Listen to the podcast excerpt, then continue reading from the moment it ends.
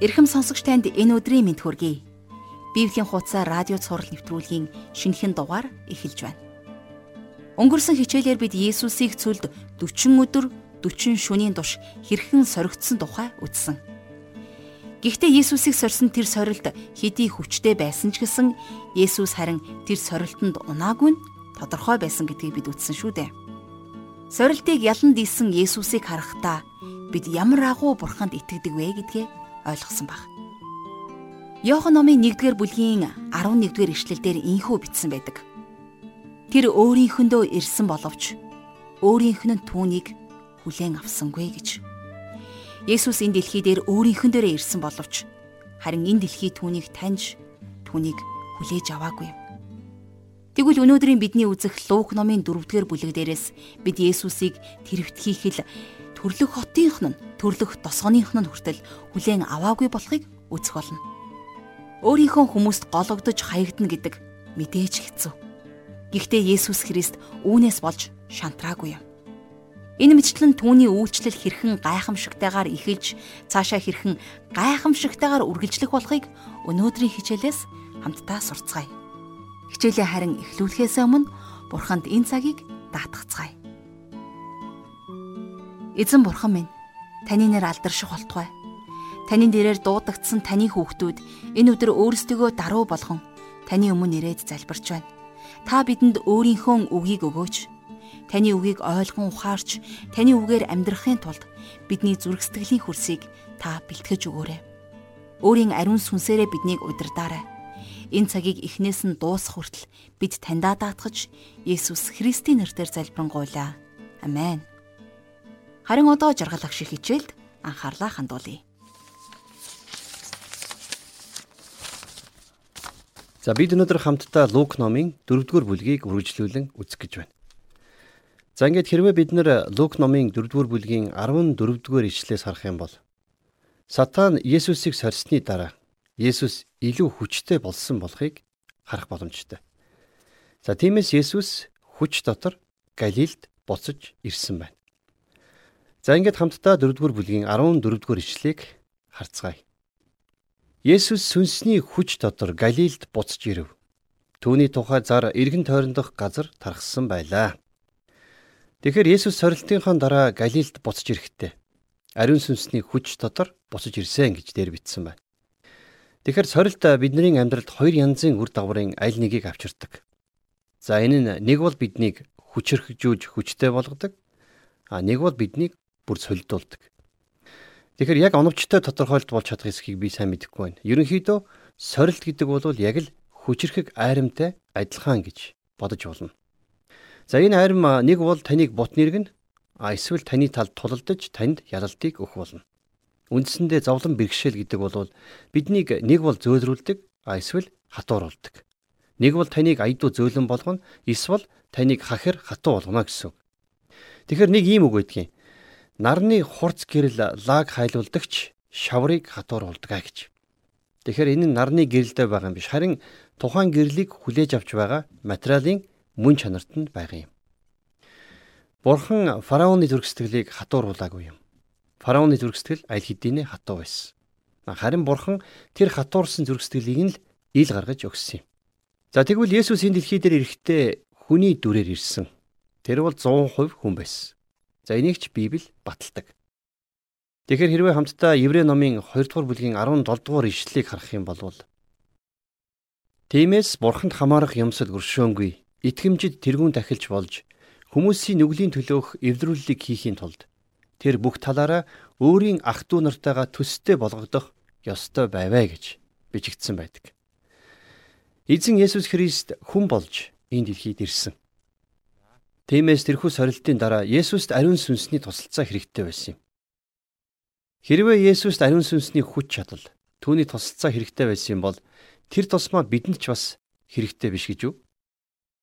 За цааш нь үргэлжлүүлээд 15 дугаар ишлэг харъя.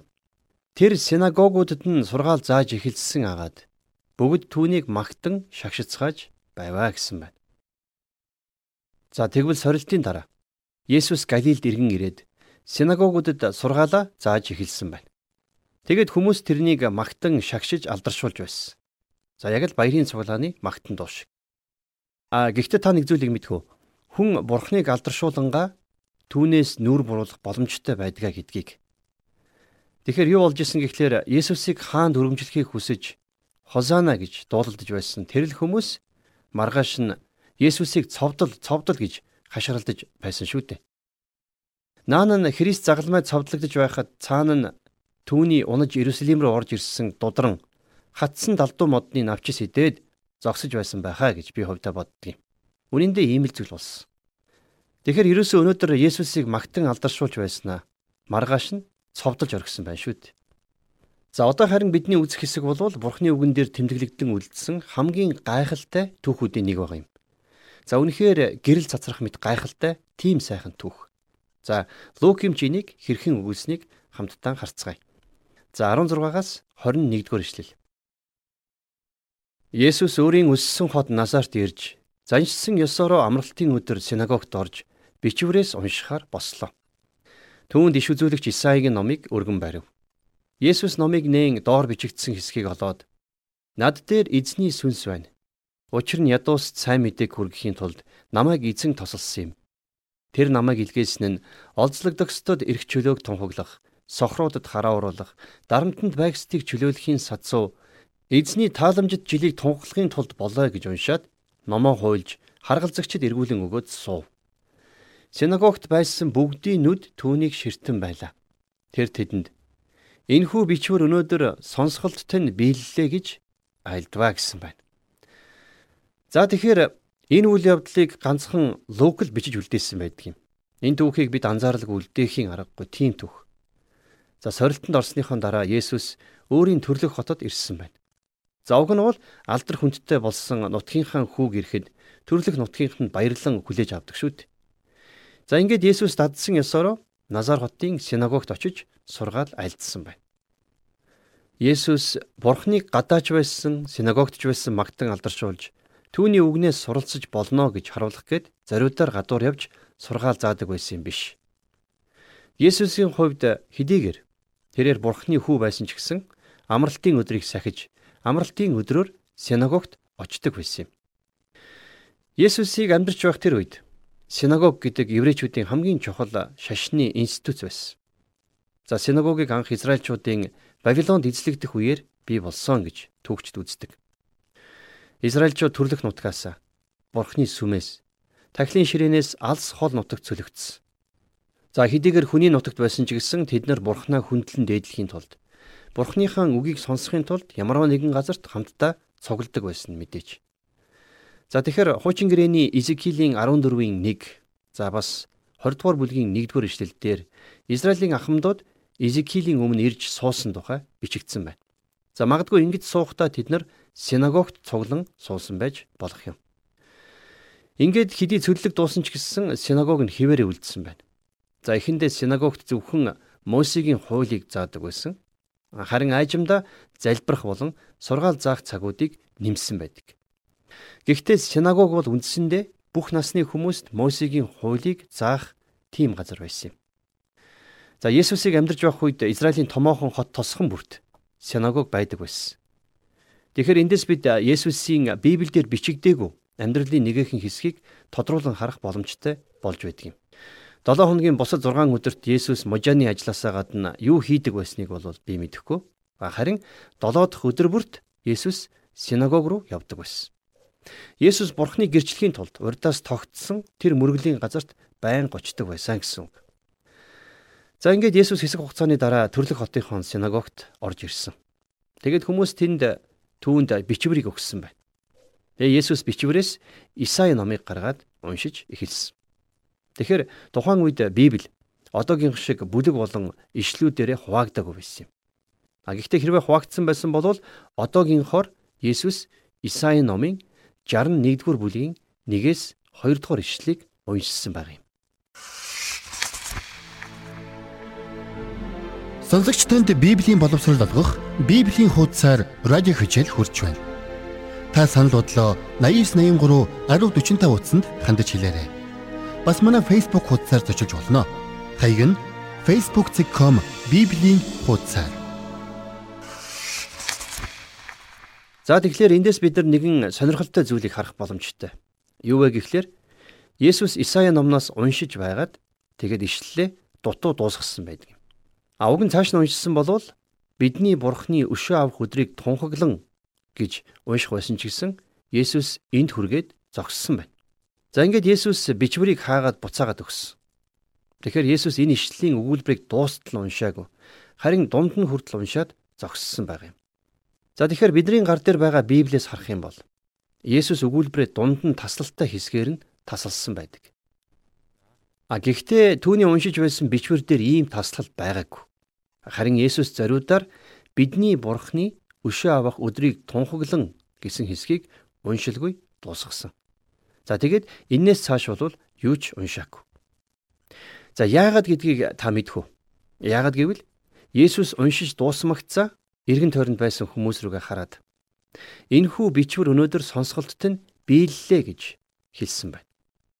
За яагаад гэвэл энэхүү ишлэлийн Есүсийн уншаад зогссон хэсэг хүртэлх үйл явдал нь биелэлээ олсон бол за үүнээс цаадах хэсэг нь Есүсийг дахин ирэх үед биелэлээ олох юм. Тэгэхээр би юу хэлэх гээд байна вэ гэхээр Бурхны өшөө авах өдөр хараахан ирээгүй байна гэсэн үг. За тэгвэл энэ нь ямар өдөр байх вэ? Энэ өдөр дуулал номын 2 дугаар дуулалын 8 дугаар ишлэлээр бичигдсэн. Надаас гуй. Би үндэстнүүдийг чиний өв болгон дэлхийн хязгааруудыг ч чиний эзэмшил болгон өгнө гэсэн үгс биелэлээ олох тэр өдрийг хэлж байна. За тэгээд дуулал номын 2 дугаар бүлгийн 9 дугаар ишлэлээс үргэлжлүүлээд унших юм бол чи тэднийг төмөр таягаар хэмх цохиж шавар сав шиг бутлах болно гэж бичсэн байдаг. За тийм л учраас Есүс дахин ирэхдээ хүч чадал дотор ирэх болно. Тэр өдөр бол жинхэнэ өшөө авах өдөр байх болно. За энэ бол Христийн дахин ирэх агуу сүр жавхлантай тэр өдрийн тухай өгүүлж байгаа юм. Эхнийхэн удаа ирэхдээ Христ ядууст сайн мэдээг тарааж тэднийг аврахын тулд ирсэн. Ариун сүнсээр тослогдсон ирж бидэнд авралын гайхамшигтай мэдээг авчирсан. Бид нар одоо ч гэсэн сайн мэдээний өдрүүдэд за ивэлэр дүүрэн тийм өдрүүдэд амьдарсаар л байна. Харин Есүс дахин ирэх яг тэр өдөр бол өшөө авалтын өдөр байх болно гэж Библи бидэнд хэлдэг. За цааш нь Лук номын 4-р бүлгийнхээ 22-р ишлэгийг хамтдаа уншицгаая. Бүгд түүний тухай сайнаар ярьж амнаас нь гарах нэгүслийн үгсд гайхаж байв. Тэд эн чинь Йосефийн хүү биш үү гэцгээж байлаа. Тэгэхээр хүмүүс Есүсийг харахтаа түүнийг Йосефийн хүү мужаан залуул байна шүү дээ гэж харсан. Ингиж харсан нь л бүхнийг балалсан байдаг. Гүн яхаараа Месая байдгийн бэ гэж тэд бодсон. Энэ түүхээр дамжуулан Есүс үнэхээр бидний л нэгэн адил игэл жирийн хүн байсан гэдгийг Лук бидэнд онцлон харуулж байгаа юм. За цааш нь 23-аас 27 дугаар ишлэл. Тэр тэдэнд Имчээ өөрийгөө ангаа гих зүрлэлийг та нар надад хэлж Капернаумд үйлдэлсэн гэж бидэнд сонсогдсон бүхнээ энд төрлөх хоттой бас үйлдээч гих байх л да гэд. Тэр үннээр би та нарт хэлье. Нэгч иш үзүүлэгч төрлөх хоттой хүндлэгддэггүй. Харин би та нарт үннээр хэлье. Илиягийн өдрүүдэд 3 жил 6 сарын турш Тэнгэр хаагдан бүх газар их үлсгэлэн болох үед Израильд бэлэвсэн эмэгтэйчүүд олон байсан. Гисэн хэдий ч Илия тэдэнд хиндэнч бус зөвхөн Сидон нутгийн Зерфатын нэгэн бэлэвсэн эмэгтэйнд илгээгдэжээ. Мөн иш үзүүлэгч Илишагийн үед Израильд уйман өвчтөй байсан олон хүнээс нэгэн ч цэвэршээгүй атал зөвхөн Сирийн Наамн гихч цэвэршжээ гэв гэсэн байна. За тэгэхээр саяын өгүүлсэн энэхүү зураглал бол Есүсийн хэлсэн үнэхээр гайхамшигтай зураглал баг юм. Есүс өөрийнхөө ярианд Израилийн нутаг дэвсгэрээс гадна амьдарч байсан хоёр харь үндэснийг жишээ болгон авсан. За Зарифатын бэлэвсэн эмэгтэй за бас Сирийн жанжин Нааман гэдэг хүний жишээг Есүс татсан. Есүс энэгээрээ тэдэнд нэгэн чухал зүйлийг ойлгуулахыг хүссэн юм. Өөрийг нь хүлээн авч чадахгүй байгаагаараа Израильчууд өөрсдөө асар том ивэлийг алдах гээд байна шүү дээ гэдгийг Есүс тэдэнд ухааруулахыг хүссэн. За тэд нар бүгдээрээ Илиягийн үед амьдарч байсан Израилийн тэр олон бэлэвсэн эмэгтэйчүүдийн адил болох нь байна шүү гэдгийг Есүс анхааруулсан гэсэн үг. 28-аас 30 дугаар ишлэл. Синагогт байгсад бүгд үүнийг сонсоод уур хилэнгээр дүүрч босгон хариж Есүсийг хотоосоо гаргажээ. Тэгээд түүнийг цохионоос түлхэн унгахаар толгодын оройд авчрав. Тэдний хот тэнд баригдсан ажээ. Харин тэр тэдний дундуур өнгөрч замаараа одлоо. За эндээс харах юм бол Есүсийн төрлөх хотын хүмүүс түүнийг үл тоос. Назарын эргэн тойрны газар нутаг бол нилээд уулархаг, хадрахаг тийм нутаг байсан. За тиймээс тэд Есүсийг цохооноос түлхэж унгаахаар түүнийг хөнөөхөр шийдсэн байна. Харин уурлаж хилгэнсэн тэр олон хүмүүсийн гараас Есүс маш гайхамшигтайгаар мултарсан гэж дээр бичсэн байна. 31-р ишлэгийг хамтдаа харъя. Тэрээр уруудан явж Галилийн Капернаум хотод ирээд амралтын өдөр хүмүүст сургаал зааж байлаа. За тэгэхээр энэ ишлээс эхлээд энэ бүлгийг дуусгах хүртэл бид эзэн Есүсийн амьдралын нэгэн өдрийг хамтдаа үзэх гэж байна. За Есүсийг энэ дэлхий дээр амьдран байсан тэр үед хэрвээ бид нар байсан бол түүнтэй нэг өдрийг өнгөрөөхийг бүгд л хүсэх байсан байх. Тэгвэл Лук хэмж бидэнд энэ боломжийг гаргаж өгч байгаа юм. За Матай болон Марк номон дээр бол Есүс үйлчлэлээ Назараас Галил тэнгисийн ирэг дээрх Капернаум руу шилжүүлсэн тухай бичигдсэн байдаг. Ягд гэвэл түүний төрлөх хотынх нь тэрнийг хүлээж аваагүй. Гэхдээ хожим нэг өдөр Есүс Капернаум хотын хонд Капернаум чи тэнгэр тултлаа өргөмжлөгдөн гэв. Үхэгсдийн оронд чи хаягдах болно гэж хэлэх болно. За энийг бид нар Лукийн 10-ын 15 дугаар ишлэлээс үзэх болно. Сонсогч танд Библийн боловсрол олгох Библийн хуудасаар радио хичээл хурж байна. Та санал бодлоо 8983 1045 утсанд хандаж хэлээрэй бас манай Facebook хуудасаар зочилж болно. Хаяг нь facebook.com bibлийн хуудасаар. За Есүс тэр хотод үндсэн үйлчлэлээ хийж байна гэдэг бол ямар гайхалтай, ямар сайхан боломж байсан бэ? А гэтэл Капернаум хотынхан ч гэсэн энэ боломжийг ашиглаж чадаагүй байна. Үнэхээр гэрэл гэгээ бидэнд үүрэг хариуцлагыг авчирдгаа гэдгийг бид мартаж болохгүй. За 30 20 дугаар ишлэлдэр Түүний сургаал эрх мэдэлтэй байсан тул тэд сургаалыг нь гайхаж байлаа. Тэгэхээр Есүс сабат өдөр синагогт сургаал айлдаж байхдаа хуулийн багш эсвэл фарисей хүн шиг биш. Харин жинхэнэ эрх мэдэлтэй нэгэн шиг сургаал айлдаж байсан юм. За цааш нь 33-аас 37 дугаар ишлэгийг хамтдаа уншицгаая. Синагогт чөтгөрийн бузар сүнсэнд эзэмдүүлсэн нэгэн хүн байсан агаад тэр чанга дуугаар чарлан "Хүй, Назарын Есүсээ Бид танд ямар хамаатай билээ? Та биднийг устгахаар ирвүү? Таны хэн болохыг Бурхны ариун нэгэн гэдгийг би мэднэ гэхэд Есүс түүнийг зандарч дуугүй бай. Түүнээс гар гэв. Тэгтэл чөтгөр түүнийг хүмүүсийн дунд унгаагаад гимтэлгүйгээр түүнээс гарч одов. Бүгд гайхаж өөр хоорондоо энэ юун сургаал вэ? Тэр эрх мэдэл хийгээд хүчээр бузар сүнснүүдэд тушаахад тэд гарцгаах юм гэж ярилцаж эхлэв. Түүний тухай зар хавийн бүх газраар тархаж байлаа гэсэн байна. Тэгэхээр бид өнөөдөр чөтгөрийг шүтэх, сатаныг шүтэх үзэгдэл ил тод болсон тийм нийгэмд амьдарч байгаа. Есүсийг энэ дэлхий дээр амьдран байх үед ч гэсэн чөтгөрүүд ажиллаж байсан, одоо ч ажилласаар л байна. Тухайн үед Есүс хувь хүмүүсээс чөтгөрийг хөөн зайлуулж байсан. Харин өнөөдөр бидний эргэн тойронд үйлдэгдэж байгаа зарим аимшигтай хүний санаанд оромгүй гимт хэрэгүүдийн талаар сонсохдоо Тэр хүнд чөтгөр шүглсэн бодоод ийм аимшигт гинт хэрэг үлдэж чадаж байгаа байх таа гэж би боддог. За 38-аас 39 дугаар ишлэгийг харъя. Есүс босож синагогоос гараад Симоны герт ороход хадам их нь маш их халуунтай шаналж байжээ. Тэд Симоны хадам ихийн төлөө түүнээс гуйв. Есүс хадмынхын дэргэд зогсоод халууныг зандрахад халуун нь буужээ. Тэр эмэгтэй босоод тэдэнд үйлчлэв. За тэгэхээр синагогоос гараад Есүс Симон Петрийн гэрт очисон байна. За магадгүй тэд нар өдрийн хоолоо идэхээр тийш очисон байж болох юм. Симоны гэрт байх хугацаанд Есүс Симоны хадам ээжийг идгэлсэн байдаг. Хадам ээжийнх нь би нилээд муу байсан бол тоо. Тиймээс ч Лук хэмж энд тэмдэглэн бичгтээ их халуунтай шаналж байжээ гэж бичсэн байна. За тэгээд Есүс тэрхүү халууныг зэмлэхэд халуун нь буусан гэж байна. Симоны хадам ээж аимшигтайгаар халуурж байсан ч гэсэн Есүс халууныг зэмлэх үед халуун буусан. Есүс гим нүгэлт ч гэсэн бас ингэж ханддаг. Яа гэтэл гайхамшигтай зүйл болсон. Уг нь өвчин эдгэхдээ аажимдаа эдгэрдэг шүү дээ. Харин энэ удаад Симоны хадам ээж тэр дороо ирүүл болсон. За зааш нь 40-оос 44 дугаар ишлэгийг харцгаая. Элдвийн өвчтөе хүмүүсийг нар жаргах үеэр Есүст авчирсанд тэр хүн бүр дээр гараа тавин тэднийг эдгэж байлаа. Чөтгөрүүд олон хүнээс та бол бурхны хүү мөн хэмээн хашгиран гарч байв. Түүнийг Христ гэдгийг нь тэд мэдэж байсан тул тэр тэднийг загнаад тэдэнд ярихыг зөвшөөрөхгүй байлаа. Тэд зилүүд газар очисон боловч олон түмэн түүнийг хайж байв. Тэгээд тэд түүн дээр ирж Есүсийг явуулахгүй байхыг хичээцгээж байлаа.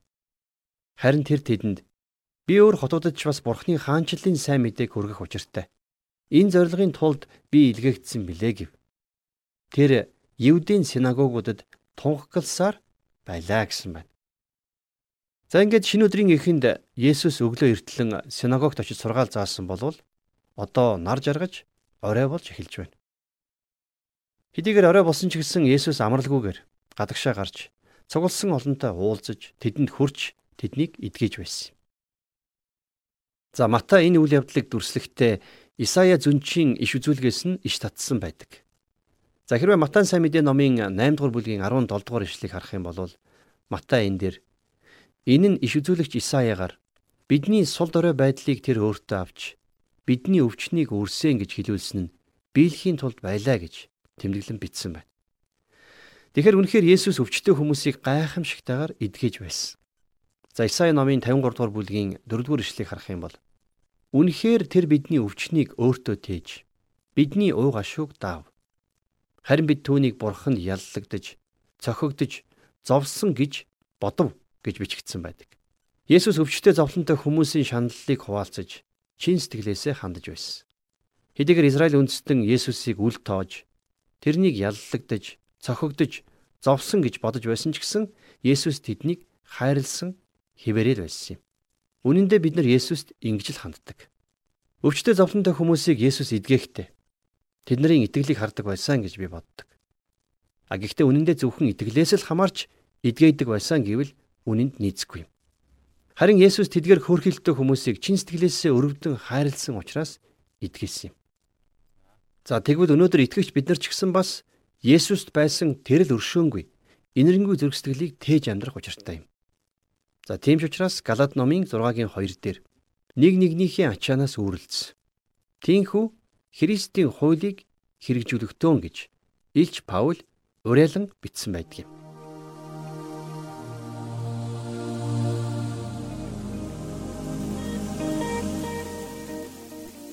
Тэгэхээр өнөөдөр бид Есүсийн амьдралын нэгэн өдрийг түүнтэй хамт өнгөрүүллээ. Түүний шинэ өдөр Бурхны үгийг тунхаглахаас эхэлж түүний өдөр зовж шаналсан хүмүүсийн зовлон нэмгэлж тэднийг өвчин зовлон чөтгөрийн хүлээсээс ангижруулснаар дуустдаг юм. Бидний эзэн энэ дэлхий дээр амьдран байхдаа эргэн тойронд байсан хүмүүсийнхээ хэрэгцээ, зовлонд мэдрэмтгий хандаж тэднийг үргэлж инэрэн нэгүүлсэж байсан. Тэгвэл үүний нэгэн адил итгэгч бидэж гисэн Есүст байсан тийм л зүрх сэтгэлийг тээж амьдрах учиртай. Тэгэхээр ах トゥ нараа хэрвээ та нүдэ нэгээд эргэн тойрноо харах юм бол таны эргэн тойронд таны туслалцаа хэрэгтэй байгаа олон хүмүүс байгааг онцгойлоод Есүсийн үг түүний удирдамж түүний ивэл өрөөл хэрэгцээтэй байгаа тэр хүмүүс ямар олон байгааг та харах болно. Хэрвээ таны туслалцаа дэмжлэг залбирал хэрэгтэй байгаа хин нэгнийг ариун сүнс танд сануулсан бол та хоош тавилгүй. Яг тэр хүний төлөө яг одоо эзний өмнө алхам хийгээрэй. Энэ бол биднийг энэ дэлхий дээр дуудсан тэрэл бурхны эрхэм зориг юм шүү. Эзэн бурхан минь та бол уурлагтаа удаан хайр инэрлэр элбэг баян бурхан билээ. Эзэн минь үнэхээр та энэ дэлхий дээр зовлон бэрхшээл, өвчин шанал, уй гашууг та мэддэг билээ. Есүсээ энэ хүнд ачааг үүрсэн үе олон хүмүүсийг та харахтаа өрөвдөн хайрлаж үг ба үйлсээрээ ивэл өрөөлийг дамжуулдаг байсан. Эзэн яг энэ зүрх сэтгэлээ та бидэнд өгөөч. Итгэл сэтгэлээ гэсэн дэлхийг инрэх зүрхээ та бидэнд өгөөч. Ийхүү би байгаа газартаа таны үнний гэрлийг, таны хайр инрэл, таны нэгүслийн гэрлийг харуулan амьдрахыг хүсэж байна. Бид танд оюун бодлоо, зүрх сэтгэлээ, ам амьдралаа таньдаа даатгаж Есүс Христийн нэрээр залбирanгуйлаа. Амен. Сонсогч танд Библийн хуудасаар радио хичээл хүрлээ. Энэхүү хичээл маань даваагаас баасан гарагийн 14 цаг 5 минутаас танд байгаа болно. Та санал бодлоо 8983 1045 утсанд болон манай bibel хуудас @gmail.com цахим хаягт хандаж ирүүлээрэй.